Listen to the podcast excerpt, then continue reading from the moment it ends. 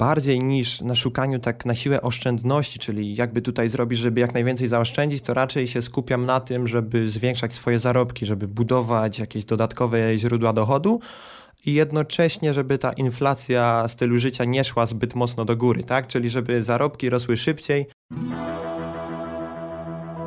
Jak odnaleźć się w finansach? Jak sprawić, by pieniądze służyły realizacji naszych celów życiowych?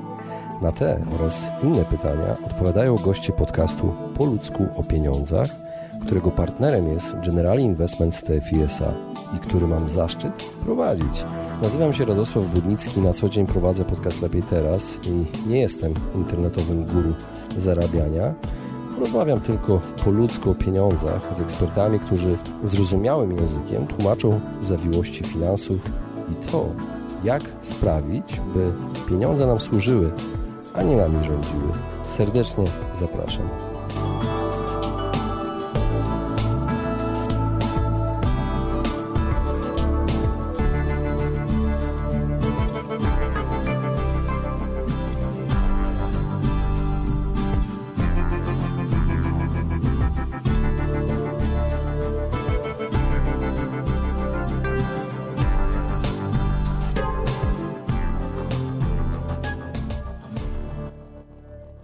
Witam Was serdecznie w kolejnym odcinku podcastu Po ludzko o pieniądzach. Dzisiaj moim gościem jest e, kolega podcaster Paweł Leżoch i przedsiębiorca jednocześnie, no i człowiek orkiestra, dosłownie człowiek orkiestra.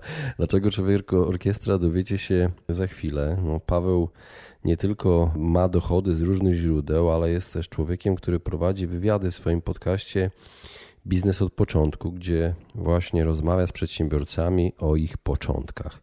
Podzieli się swoimi lekcjami dotyczącymi finansów osobistych i lekcjami, które usłyszał od swoich gości. Także serdecznie zapraszam Was do wysłuchania tego odcinka. Cześć Paweł. Cześć Radku.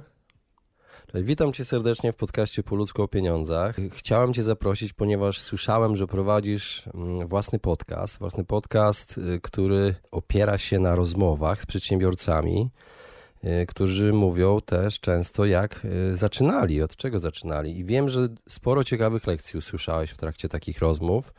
I dzisiaj interesują mnie lekcje finansowe, czyli podejście do pieniędzy.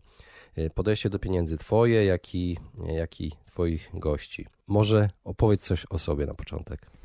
Tak, no ja nazywam się Paweł Leżoch. Z wykształcenia jestem informatykiem i muzykiem. Zawodowo co robię, to gram w zespole weselnym. To jest takie moje główne zajęcie. Poza tym jeszcze robię strony internetowe, tworzę też kursy online i ogólnie takie produkty cyfrowe typu e-booki, kursy audio, tego typu rzeczy. No i też pomagam w tworzeniu takich kursów i sprzedaży takich kursów online dla moich klientów na zlecenie. Oprócz tego, to co już wspomniałeś, nagrywam podcast Biznes od początku. W tym podcaście rozmawiam z przedsiębiorcami o tym, w jaki sposób oni zaczynali swój biznes. No i na dzień dzisiejszy tych odcinków już jest ponad 75. No, muszę powiedzieć, że muszę się pochwalić, że zostałem przez Ciebie też zaproszony do, do jednego z odcinków, za co Ci bardzo dziękuję. Jest teraz okazja, żeby podziękować.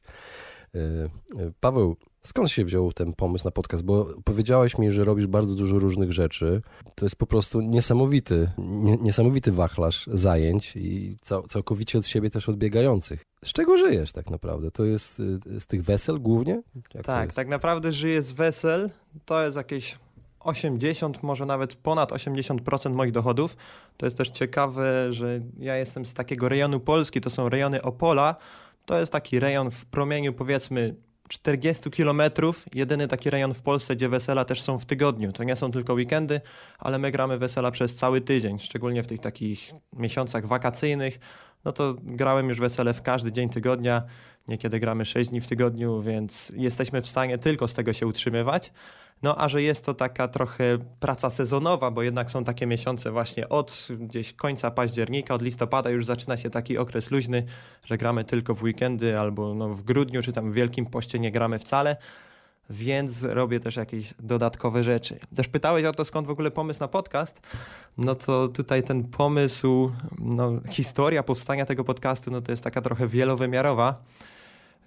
Pierwsza rzecz, ja miałem takie przekonania na swój temat, że ja nie potrafię się płynnie wypowiadać, płynnie wysławiać i chciałem w jakiś sposób nad tym pracować. No więc y, to już był jeden argument, że ten podcasty mogą mi jakoś w tym pomóc, żeby się nauczyć wypowiadać, nauczyć rozmawiać z ludźmi. To była pierwsza rzecz. Druga rzecz, ja już no, bardzo wcześnie zacząłem grać po weselach y, i zastanawiałem się właśnie, co mógłbym robić dodatkowo, no bo to jest praca sezonowa, tak, więc parę miesięcy, przez parę miesięcy gramy, bardzo dużo, ale przez parę miesięcy mamy wolne, więc szukałem takiego zajęcia dodatkowego. No i tutaj właśnie nie pojawił się od razu podcast, tylko trafiłem na te kursy online. Wymyśliłem sobie, że mogę robić kursy online, to jest bardzo fajna rzecz. W tym moim czasie wolnym mogę taki kurs sobie stworzyć, nawet przeprowadzić w ciągu roku jakieś dwie takie kampanie sprzedażowe. No i nawet taki kurs online już na studiach stworzyłem. Ten pierwszy mój kurs online to był kurs dotyczący tworzenia stron internetowych jeszcze w języku HTML. I taki kurs jakoś tam spróbowałem sprzedać. No i ta sprzedaż nie poszła jakoś szałowo, bo ja tam pamiętam wtedy zarobiłem na tym kursie jakoś 750 zł chyba, no więc nie za dużo. No i zastanawiałem się, dlaczego taka mała sprzedaż. No odpowiedź była dosyć prosta, bo nie miałem zbudowanej społeczności, bo nikt w internecie mnie nie znał, więc wiedziałem, że muszę zacząć coś do internetu tworzyć tworzyć jakieś treści. Więc to już był taki drugi argument. Pierwszy to było właśnie to, żeby się nauczyć wysławiać. Drugi, wiedziałem, że będę musiał budować swoją społeczność i coś do internetu tworzyć. No i kolejna rzecz, y, ja już wtedy słuchałem podcastów, bardzo lubiłem przedsiębiorców i jakoś lubiłem przebywać z nimi, słuchać ich, lubiłem ten ich sposób myślenia. No i słuchałem wtedy podcastu Mała Wielka Firma Marka Jankowskiego i to był okres, gdzie Marek wypuszczał swój kurs Podcast Pro. Ja tego kursu w sumie do dzisiaj nie kupiłem, ale on w tym podcaście bardzo dużo zaczął mówić, dlaczego warto nagrywać swój podcast. No i to było jakoś tak, stwierdziłem, no w sumie dobra, nie będę się dłużej zastanawiał, tylko lubię przedsiębiorców, lubię jakoś ich słuchać, ten sposób myślenia ich mi odpowiada, więc jakoś za dużo się nad tym nie zastanawiałem, tylko wziąłem, wypuściłem, zacząłem to robić, no i tak już ponad półtora roku to leci. Wiem, że to może nie było tak do końca dobre, bo ja chciałem robić kursy dotyczące tworzenia stron internetowych, przynajmniej na początku, a zacząłem nagrywać podcast totalnie oderwany tematycznie, bo to są wywiady z przedsiębiorcami. No ale taka jest historia i tak już po prostu półtora roku to leci. Odniosę się do początku twojej wypowiedzi. Wesela w tygodniu, no po prostu sztos, słuchaj. Pierwszy raz o tym słyszę. Podejrzewam, że wiele osób, które słuchają teraz tego podcastu w innych regionach Polski też pewnie robi wielkie oczy, no ale zawsze jakieś ciekawostki regionalne miło posłuchać. To jest, to jest pierwsza rzecz. Druga rzecz, co aż się prosi zapytać e, coachingowo. Kiedyś byłem coachem, znaczy byłem, jestem coachem tylko już nie praktykującym, ale co wolisz robić, z czego wolisz się utrzymywać najbardziej, czyli jaki masz, jaki masz e, cel finansowy, skąd chciałbyś mieć główne źródło e, dochodu? Skąd chciałbym mieć główne źródło dochodu? No teraz utrzymuję się Takie z... wymarzone. Wy... Wymarzone źródło. Mm.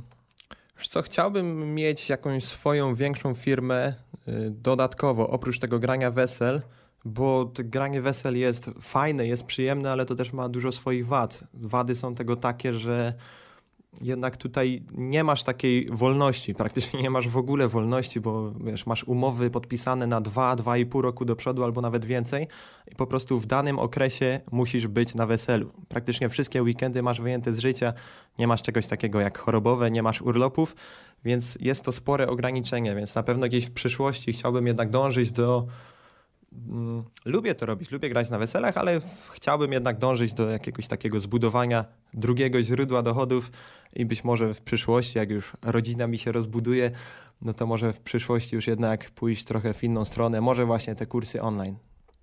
Mhm. Y, Paweł, to jest podcast o finansach osobistych. Chciałbym się od Ciebie dowiedzieć, bo rozmawiałeś z wieloma przedsiębiorcami. Jakich lekcji finansowych można byłoby się od nich nauczyć? Czy pamiętasz jakieś lekcje finansowe od niektórych z nich? Mhm. Lekcje finansowe, no tak w sumie jak się nad tym zastanawiam, to rozmawiając z każdą osobą, no to każdy ma trochę inne podejście, każdy człowiek jest zupełnie inny, więc no nie chciałbym tutaj jakoś generalizować, typu 5 złotych zasad, które no, uczynią z ciebie milionera albo, nie wiem, poprawią twoje finanse. Praktycznie od każdej tej osoby można wyciągnąć coś innego, ale takie lekcje finansowe, które no, na pewno są spójne u tych przedsiębiorców, które ja wyciągnąłem na przykład na jakiejś takiej swojej małej działalności, no to pierwsza taka lekcja, w miarę możliwości, jeżeli robisz jakiś biznes, może to są usługi, może nawet większy biznes, no to w miarę możliwości bierz pieniądze z góry za wykonane zadania. Tak? No bo tutaj mamy takie zagrożenia, że no nawet możesz brać zaliczki. No ale zagrożenia są takie, że jeżeli nie będziemy brać tych pieniędzy z góry, no to bardzo szybko możemy stracić płynność finansową, albo jeżeli jeszcze jesteśmy płatnikami podatku VAT, no to w ogóle mamy przerąbane, bo wiesz, wystawiasz jakąś fakturę i nawet jeżeli ktoś ci zapłaci tą fakturę za 3 miesiące, no to ty VAT już musisz zapłacić praktycznie od razu. Więc jeżeli to są jakieś większe kwoty, no to na tym szybko można popłynąć. No tak, ale e, Paweł to od razu na, e, wiesz, nasuwa się kolejna lekcja, że reguluj swoje należności też od razu i nie zwlekaj z tym. Od razu przypomniał mi się wywiad, który przeprowadziłem z Rafałem Ferberem. Nie wiem, czy słuchałeś e, o finansach osobistych spółce ZO, który narzekał właśnie na to, że ludzie przyciągają płacenie, wiesz, należności i to się robi taki łańcuszek też. No tak, i... tylko wiesz, w wielu branżach masz tak, że te terminy płatności na fakturach już są z góry trzymiesięczne, nie? więc nie będziesz płacił od razu, tylko jednak ustawisz sobie tą płatność na jak najpóźniej. Nie? No, tak już wygląda ta praktyka w wielu firmach. No i nie wiem, no w niektórych branżach chyba jest to nie do przeskoczenia, no ale jeżeli zaczynamy jakąś działalność, no to ja bym jednak polecał, żeby w miarę możliwości jak najszybciej te pieniądze od ludzi brać. Mhm. Dobrze, jakie jeszcze lekcje pamiętasz? Lekcje. Generalnie nie biorę takich, nie rozmawiamy typowo o takich rzeczach finansowych, tylko ten pomysł na podcast, który ja mam, jest taki, że rozmawiamy o tym, jak dany przedsiębiorca zaczynał, skąd w ogóle wziął pomysł na tę firmę, jak pozyskiwał pierwszych klientów. I staram się bardziej niż takie lekcje ogólne finansowe, staram się brać od moich rozmówców takie jakieś rzeczy typowo z ich branży, tak? Czyli na przykład jeżeli rozmawiam z osobą, która zajmuje się marketingiem na Facebooku, no to rozmawiam z nim o tym, co my możemy zrobić, żeby bardziej wiem, wypromować lepiej swoją firmę na Facebooku, albo żeby robić lepsze reklamy na Facebooku, żeby zarabiać więcej w ten sposób, tak? Czyli takie rzeczy typowo mm, branżowe, tak? Jeżeli ktoś zajmuje się pozycjonowaniem stron, no to wypytuję go, co ja mogę zrobić, żeby samodzielnie pozycję mojej strony internetowej poprawić. Czyli bardziej w tą stronę idę w moich rozmowach y, o takie stricte rzeczy, może bardziej techniczne bym powiedział. A poznałeś jakieś lekcje dotyczące inwestowania, y, podejścia do inwestowania y, zarobionych środków? Też nie. Raczej nie rozmawialiśmy o inwestowaniu nigdy bardziej się skupiamy tutaj na rozwoju swojej działalności i swojego biznesu. Raczej o inwestowaniu pieniędzy nie rozmawiam. Dobrze, no to przejdę do ciebie teraz w takim razie. Powiedz, jak y, wyglądało kiedyś twoje y, podejście y, do pieniędzy? Ja zacząłem zarabiać bardzo wcześnie, bo ja zacząłem zarabiać swoje pierwsze pieniądze już w szkole podstawowej. Jak się nad tym zastanawiałem, no to w ogóle się zastanawiałem, jak to było możliwe, że już w podstawówce zarabiałem pieniądze, przecież to jest w ogóle nielegalne, żeby tak młoda osoba zarabiała pieniądze. Ale ja wtedy zacząłem grać w orkiestrze dentej i tam sobie wyszukałem w internecie, że jest możliwa praca osób takich właśnie małoletnich y, jeżeli jest to działalność artystyczna czy kulturalna. Tak? Więc ja już w podstawówce miałem umowę, ja już w szkole podstawowej gdzieś tam zarabiałem koło wiem, ponad 100 zł miesięcznie, sobie dorabiałem. Nie były takie duże kwoty, no ale dla dziecka w podstawówce no to już było coś. No ja pamiętam, jak byłem mały, to moi rodzice zawsze mi mówili, że ja mam takie podejście do finansów, że ja jak coś zarobię, to ja od razu szukam sposobu, jak to wydać. No bo w sobie jako dziecko, nie wiem, czy tylko ja tak miałem, no ale zawsze coś chciałem mieć, zawsze, nie wiem, czy jakieś nowe zabawki, gadżety, czy jakieś instrumenty nowe, co chwilę wymyślałem, że tutaj chciałem sobie kupić perkusję, tu znowu chciałem coś innego, tu gitarę, tu coś tam. Więc no, rodzice, pamiętam, że zawsze mi mówili, że ja mam takie podejście, że szybko muszę pieniądze wydać. No i nie wiem, czy faktycznie takie było moje podejście, no ale rodzice w miarę jakoś tam te moje zapędy hamowali. A, czyli miałeś rodziców, którzy mieli takie podejście do pieniędzy, że trzeba oszczędzać po prostu.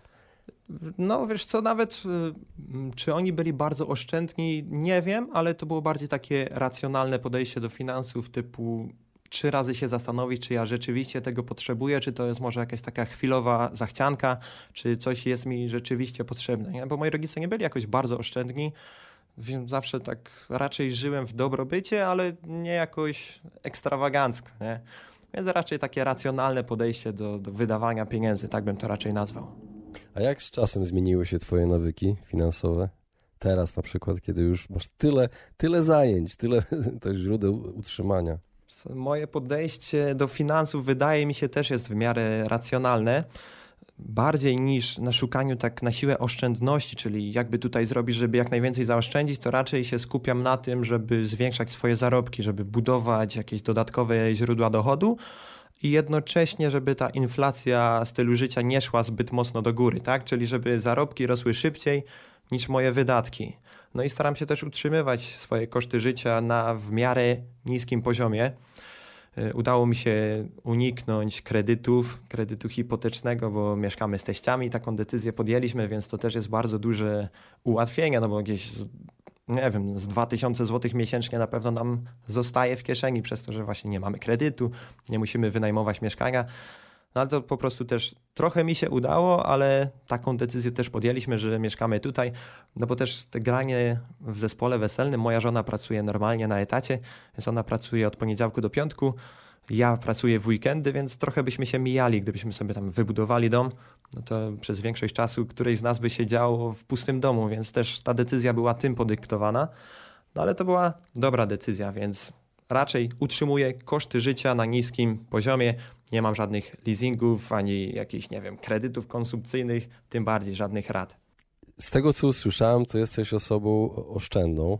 Tak mogę, tak mogę wnioskować. A są jakieś takie nawyki, które czujesz u siebie, że jeszcze ci się nie podobają i jeszcze musisz nad czymś popracować?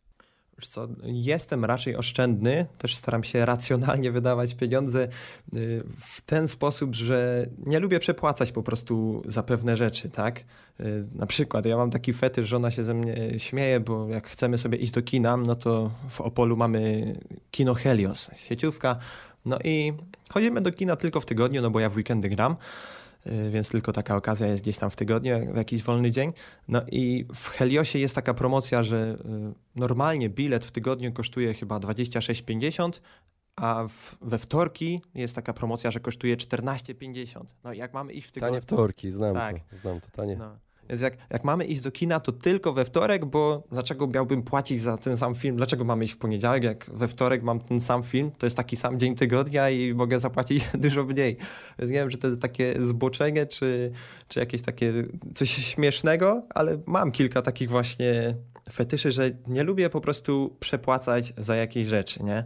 Więc to jest takie moje to jest takie moje, no powiedzmy, wiesz co, Paweł, ja myślę, ja myślę, ja myślę, że to jest świetna metoda, wiesz, bo, bo to się tak wydaje, ale to jest y, tak naprawdę grosz składany, wiesz, jeżeli, jeżeli my to, jeżeli my będziemy mieli takie podejście do pieniędzy i jeżeli zrobimy z tego jakąś taką fajną, rodzinną rutynę, że wtorek jest nasz, przeznaczony na kino, bo możemy sobie pozwolić na to, nie jest to zbyt drogie, ale wiesz, nie, nie, nie samą pracą człowiek żyje, wiadomo, i jeżeli to y, wprowadzimy jako nawyk, to będzie zdrowy nawyk, bo to, bo to się przełoży też na inne rzeczy. Kiedy pójdziemy wybrać coś, nie wiem, w restauracji, pójść do sklepu, kupić coś podobnego, wiesz, taniej i to po jakimś czasie okaże się, że naprawdę możemy zaoszczędzić o wiele więcej niż ten, niż ten bilet. Tak, no to są takie nawyki. Ale też ci powiem, że ja nie oszczędzam za wszelką cenę, więc oszczędzam na tych rzeczach, gdzie można, gdzie uważam, że wydanie większych pieniędzy nie jest w ogóle jakoś racjonalne, nie jest konieczne. Ale też mam. Głupotą po prostu. Tak ale też mam takie swoje, powiedzmy, zagrania, że wydanie pieniędzy w pewnych kwestiach w ogóle nie jest racjonalne, typu, nie wiem, kupiłem sobie motor, no teraz akurat znowu jestem bez motora, bo niedawno go sprzedałem, ale wiem, że znowu na wiosnę kupię motor za, nie wiem, 25 tysięcy złotych, a przyjadę się nim 6 razy w roku, więc to nie jest może racjonalny wydatek, ale to jest jakieś takie moje marzenie, jakaś taka moja pasja, na, na którą po prostu wiem, że te pieniądze wydaje, a nie jest to do końca mądre, nie? Ale no to jest po prostu spełnianie marzeń. Uważam, że w ogóle to jest rzecz bezcenna. Oczywiście. Paweł, jak oszczędzasz pieniądze? W jaki sposób? No pierwsza rzecz, no to ucinam właśnie takie wydatki tam, gdzie uważam, że nie jest dany wydatek konieczny albo nie jest uzasadnione płacenie więcej za daną rzecz, no to wtedy kupuję rzeczy tańsze. W jaki sposób jeszcze oszczędzam? Teraz już y, no ja mam 25 lat, więc nie mam jakiegoś dużego bagażu doświadczeń życiowych, ale tak nauczyłem się kilku takich rzeczy, że eliminuje pozorne oszczędności. Coś, co kiedyś myślałem, że jest jakąś oszczędnością. Taki przykład mam fajny. Y, my lubimy w ogóle sobie podróżować z żoną i kiedyś jak jeździliśmy gdzieś, szczególnie gdzieś tam do Europy Zachodniej, nie wiem, do Paryża, do Londynu, do Barcelony, to są, wiesz, wszystko kraje dużo droższe niż Polska. No i szukaliśmy restauracji, żeby zjeść jakiś obiad po całym dniu chodzenia. No i tak chodziliśmy od restauracji do restauracji, tam przed restauracją zawsze masz wystawione menu, oglądaliśmy te karty, wiesz, wszystko było drogie, no i byliśmy w stanie wtedy przez godzinę, przez półtora godziny chodzić i szukać jakiejś restauracji, żeby coś znaleźć tańszego, a tak naprawdę, wiesz, no, nie wiem, o ile tańsze byśmy byli w stanie znaleźć, o 2 euro od osoby, więc marnowaliśmy godzinę albo półtora godziny, żeby pozornie szukać oszczędności. No i teraz zdecydowanie bardziej cenię swój czas niż jakąś taką pozorną oszczędność, bo wiem, ile w ogóle godzina mojej pracy jest warta i wiem, że życie szybko leci i że ten czas już, wiesz, będzie trochę, no nigdy go nie odzyskam, nie? Więc teraz bardziej cenię swój czas niż jakieś takie właśnie drobne, pozorne oszczędności. Też, nie wiem, nie jeżdżę od sklepu do sklepu, żeby gdzieś coś kupić na promocji, bo wiem, że więcej wydam na paliwo i więcej czasu zmarnuję, a zdecydowanie ten czas jest dla mnie cenniejszy niż pieniądze. Yy, jeszcze jedna rzecz, unikam pozornych oszczędności y, typu kiedyś byłem wielkim fanem jakichś używanych sprzętów, bo stwierdzałem właśnie, że po co mam przepłacać za nowy, jak mogę sobie kupić coś używanego. No i niekiedy też kupuję używany, na przykład kupuję jakiś używany samochód, jeżdżę starym samochodem 13-letnim, y, ale jeżeli inwestuję w jakiś sprzęt muzyczny, to teraz często wolę kupić nowy sprzęt, bo wiem, że mam na niego gwarancję, bo mogę go sobie wrzucić w koszty i wiem, że tak naprawdę na tym sprzęcie nowym zaoszczędzę, bo jeżeli kupię jakiś używany, on mi się zepsuje za miesiąc, no to więcej na tym stracę niż zyskam, nie? Więc tutaj nie oszczędzam za wszelką cenę i unikam takich e, pozornych oszczędności. Od razu przypomniało mi się przykład z tego, że ludzie potrafią przejechać całe miasto samochodem, paląc paliwo, żeby zaoszczędzić, nie wiem, tam złotówkę na chlebie jednym.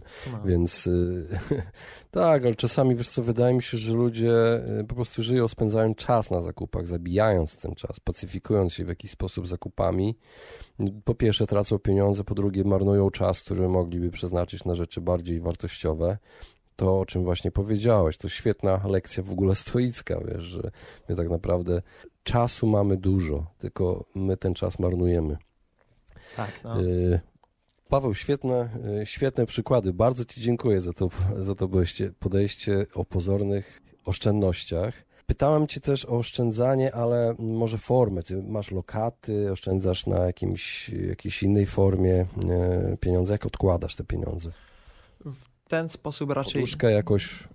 Poduszkę nie, wiesz co, tak jak już wcześniej ci wspominałem, się skupiam na tym, żeby raczej pieniądze zarabiać, niż je oszczędzać. Mam konto oszczędnościowe, ale to tam, wiesz, to raczej nie jest tak, żeby tam jakoś żeby to coś zarabiało, no tylko żeby powiedzmy tam te pieniądze mniej traciły na wartości. Mam trochę kryptowalut, ale to raczej traktuję jak kasyno i spekulacje, nie jako inwestowanie czy tam oszczędzanie. No i mam taki plan, że nadwyżki finansowe planuję inwestować w nieruchomości, w mieszkania.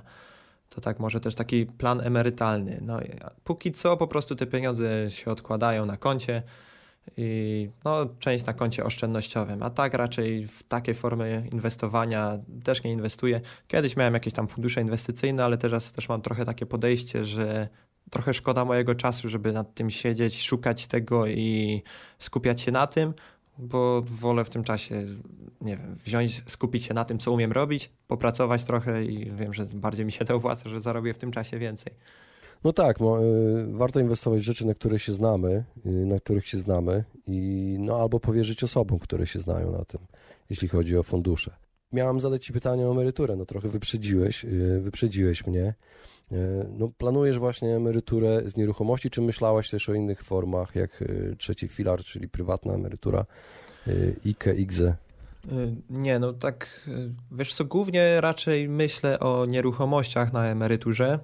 Też często się spotykam z takim podejściem, żeby odkładać sobie na emeryturę, tylko nie bardzo wiem, w jaki sposób by to miało funkcjonować, że ja mam co, odkładać pieniądze na taką kubkę i później jak będę na emeryturze, to co z tego stosu pieniędzy mam sobie wybierać i te pieniądze wydawać, no to z tym akurat nie czułbym się zbyt dobrze, bo wiesz, ta kubka by cały czas malała. A jakbym nie, tak niechcący żył 100 lat, no to co wtedy, jak mi już zabraknie na tej kubce? Więc raczej bym się skupił na budowaniu jakiegoś dochodu, powiedzmy pasywnego, no nie ma jakiegoś w pełni pasywnego dochodu, ale no nawet już te mieszkania to raczej w tą stronę bym wolał iść niż takie gromadzenie pieniędzy na ewentualną emeryturę. Mhm, rozumiem. No i y, na koniec jeszcze mam pytanie, jak u Ciebie wygląda na co dzień y, zarządzanie finansami? Prowadzisz jakiś budżet? Czy zapisujesz wydatki swoje? Nie, nie, nie, nie, nie, nie. Nie prowadzę, nie prowadzę budżetu, nie, nie zarządzam jakoś finansami, bo wydaje mi się, że w miarę racjonalnie te pieniądze wydajemy. Nie szastamy jakoś pieniędzmi, ten bilans cały czas jest dodatni, więc raczej staram się właśnie utrzymywać te koszty życia na niskim poziomie. No i w miarę przyzwoicie zarabiać i, i to się po prostu wszystko spina. Nie musimy tutaj jakoś tego planować. Super. Paweł, y, bardzo dziękuję Ci za podzielenie się swoimi doświadczeniami z podejściem właśnie do, do zarabiania pieniędzy i, i, i do usłyszenia. Dzięki Radku za zaproszenie, no i do usłyszenia znowu kiedyś. Trzymaj się.